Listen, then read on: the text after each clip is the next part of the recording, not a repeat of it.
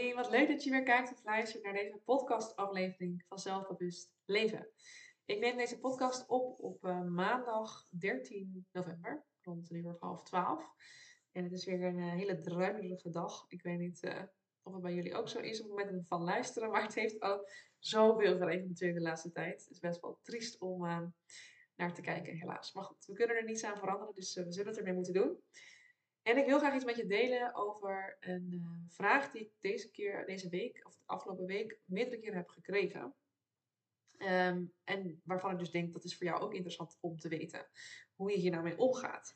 Want waar we vaak bang voor zijn op het moment dat we keuzes gaan maken voor onszelf, is dat we een ander tekort gaan doen. Dat, we, dat een ander teleurgesteld in ons raakt. Dat, we, ja, dat een ander niet blij is met ons. En die gedachte uh, is niet eens heel erg gek. Want het kan best wel zijn dat wanneer jij andere keuzes gaat maken in het leven, uh, bijvoorbeeld vaker nee gaat zeggen tegen dingen, of um, vaker een keuze maakt omdat het voor jou goed voelt en misschien dat een ander een andere keuze zou maken, dan kan het best wel eens zijn dat je op onbegrip uh, stuit. En dat is vaak een reden voor ons om dan ook maar meteen niet die keuze te maken. Want blijkbaar, als er onbegrip is, was het geen goede keuze.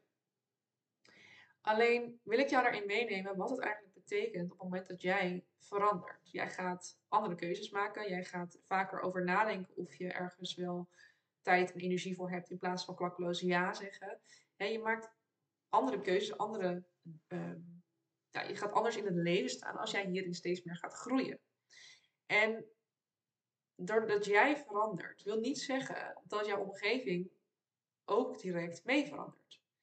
Wat ik daarmee wil zeggen is, jij kan wel heel erg gaan groeien, maar jouw omgeving is dat niet gewend. Jouw omgeving is nog steeds hetzelfde. Dus die zijn nog steeds gewend dat jij gewoon altijd paraat staat, altijd klaar staat voor iedereen, altijd ja zegt. Dus als jij ineens nee gaat zeggen, of gaat zeggen, joh, ik moet er even over nadenken, dan is dat voor hen ineens dat ze denken, huh, dit ben ik niet gewend van haar, wat is dit nou weer? Dus dat kan best wel eens een reactie oproepen die op het eerste oog best wel vervelend is. Hè? Dus misschien iets van, huh, je bent er toch altijd? En dat jij dan meteen denkt, shit, shit, oh, ik had die keuze misschien niet moeten maken. Of ik had misschien toch ja moeten zeggen. Of misschien moet ik dan toch uh, wel maar voor die persoon er zijn. Misschien herken je dit wel. En op het moment dat jij een lastige reactie krijgt, kan het best wel eens zijn dat je gaat terugkrabbelen en toch dat gaat doen. Toch, die, ja, toch ja gaat zeggen eigenlijk. Maar realiseer je dat de ander gewoon niet gewend is aan het feit dat jij voor jezelf opkomt. Dat jij keuzes maakt voor jezelf die niet altijd ook het beste zijn voor een ander. Daar mogen ze aan wennen. Dat mogen ze ook, als, ook gaan leren. Dat mag ook een proces zijn. Dus dat een ander daar minder fijn op reageert, wil niet zeggen dat de keuze daarin meteen fout is. Je mag eigenlijk de ander gaan leren hoe ze met jou om mogen gaan. Dus um, jij verandert, de omgeving verandert niet meteen mee. Maar doordat jij elke keer weer opnieuw aangeeft van joh, maar ik uh, doe dit omdat ik ja, voor mezelf wil kiezen, uh, omdat ik nu even geen energie heb. En, of ik zeg nu nee omdat ik er eh, geen ruimte voor heb, maar het belangrijk vind dat jij wel voldoende tijd en ruimte hiervoor ehm, krijgt van een ander. Dat zijn allemaal manieren, um, of allemaal dingen waar ze aan moeten wennen. Hè? Dus zij zijn niet gewend dat je voor jezelf opkomt, dat je zelf die keuzes maakt. Dus zij mogen er ook aan wennen dat jij dit vaker gaat zeggen. Dus dit is überhaupt wel even fijn om te weten. Als er een vervelende reactie komt, betekent dat dus niet meteen dat het ook geen goede keuze is. Maar gewoon dat zij mogen wennen daaraan. Je mag jezelf dus ook de toestemming geven om hierin te groeien. Om dit lastig te vinden. Om hier beter in te worden. Maar je mag ook jezelf toestemming geven om ja, het vervelend te vinden dat een ander zo reageert. Want als een ander met onbegrip reageert of een vervelende reactie uit, dan is dat ook lastig. Dan mag je dat ook lastig vinden. Het is niet dat jij dan uh, jezelf er hoeft af te straffen van, zie je wel, ik maak een verkeerde keuze of ik moet het maar niet doen, want anders uh, stel ik die ander teleur. Uh, mag gewoon even vervelend zijn. Niet alles is altijd meteen comfortabel. Hè? Vooral nieuwe dingen zijn gewoon echt even oncomfortabel. Daar mag je even doorheen. Dus op het moment dat je zo'n reactie krijgt, kan je ook eerst eens bij jezelf inchecken van wat, wat doet dit eigenlijk met mij? Hè? Ehm, en dat mag je ook communiceren als je dat fijn, als je dat aandurft. Als, het is best spannend hè, om dat te communiceren, maar zeg maar eens tegen die ander van joh, ik merk dat me dat raakt, hè, dat je zo reageert. Want ik wil eigenlijk het liefste gewoon ehm, het beste voor ons allebei. Vandaar dat ik zeg dat ik er geen tijd voor heb, want ik kan daar nu gewoon niet de ruimte en energie voor maken die het wel verdient. Dus ik merk dat het me raakt, dat ik het lastig vind dat je dan zo reageert. En als je het vanuit jezelf houdt, als je altijd reageert vanuit je eigen gevoel, dan kan een ander daar niks aan doen. Want jouw gevoel, daar hebben zij geen invloed op. Dat is jouw gevoel, dat is gewoon hoe het is. Dus vanuit jouw eigen gevoel praten, daar kunnen zij ook nooit aan, aan twisten. Daar kunnen zij nooit wat mee. Want het is nou eenmaal hoe het, hoe het is. En ik denk ook dat merendeel van de mensen die op een lastige manier reageert of die onbegrip toont, dat helemaal niet uh, bewust doet. Of die willen helemaal niet jouw vervelend gevoel doen ervaren. Dat is helemaal niet het doel. Het is ook gewoon het onwennigheid van het feit, jij geeft je grenzen aan. En ik had daar eigenlijk een andere verwachting bij. Dus ik moet ook even schakelen. Oh shit, zij wil zeggen nu nee. En wat nu? Want dan zit ik met uh, een probleem, zeg maar. Dus dat is ook een soort projectie op jou van hun eigen ongemak. Dus wanneer jij het openbreekt en daarop kan reageren met... joh, ik snap je reactie, maar ik vind het wel heel lastig, want ik doe het met de beste bedoelingen. Dan zal je waarschijnlijk merken dat zij ook zich kwetsbaar gaan opstellen en dat daar een opener gesprek over kan komen. Waardoor je hopelijk het gesprek met een fijner gevoel kan afsluiten. Omdat zij ook zeggen van, joh, sorry, ik wil je helemaal geen vervelend gevoel geven. En ik begrijp ook best wel wat je de keuze maakt.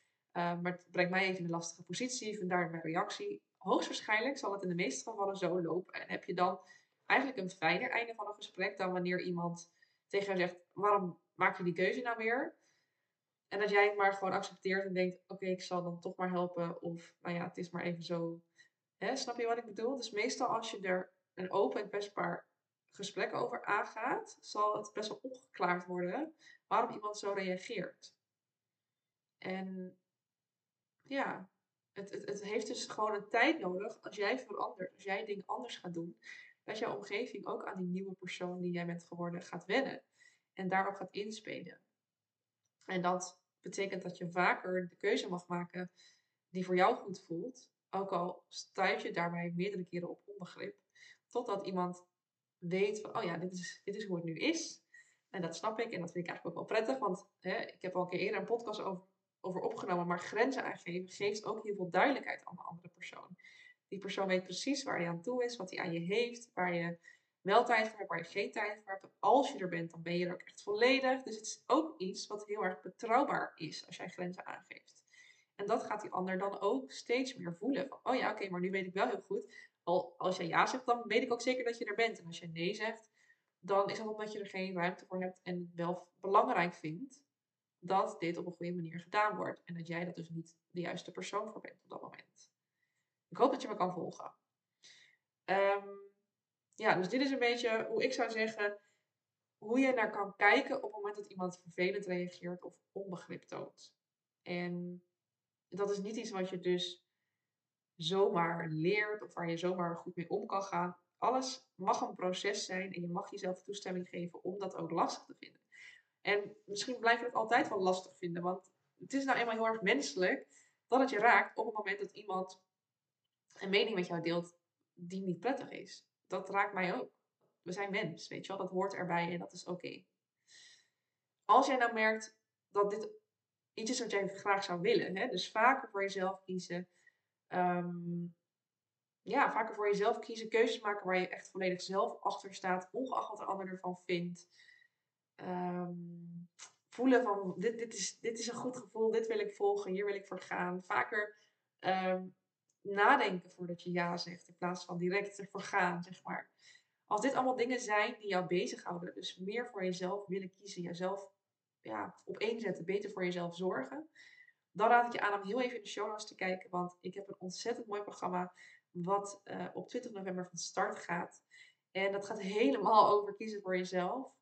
En het is een, echt een uniek programma waarin je zowel één op één begeleiding krijgt als zelfstandig aan de slag kan met online modules voor een ja, bizarre prijs eigenlijk. Uh, van 522 euro. dat krijg je eigenlijk nooit, want twee één op één coaches krijg je hiervoor. En die zijn samen al 400 euro waard. En nu krijg je nog een heleboel andere waardevolle informatie bij. Allerlei fijne oefeningen, video-oefeningen, audio-oefeningen. Ehm, je krijgt een hele fijne community bij, waar je ook de herkenning met andere deelnemers kan vinden. Dus er zit zoveel meer informatie in dit programma dan enkel de één op één begeleiding. Je kan al je vragen stellen tussendoor waar je tegenaan loopt. En ehm, allemaal met het doel dat jij goed voor jezelf gaat zorgen. Zodat je nog meer gaat genieten van je eigen leven. En er ook daardoor beter kan zijn voor een ander.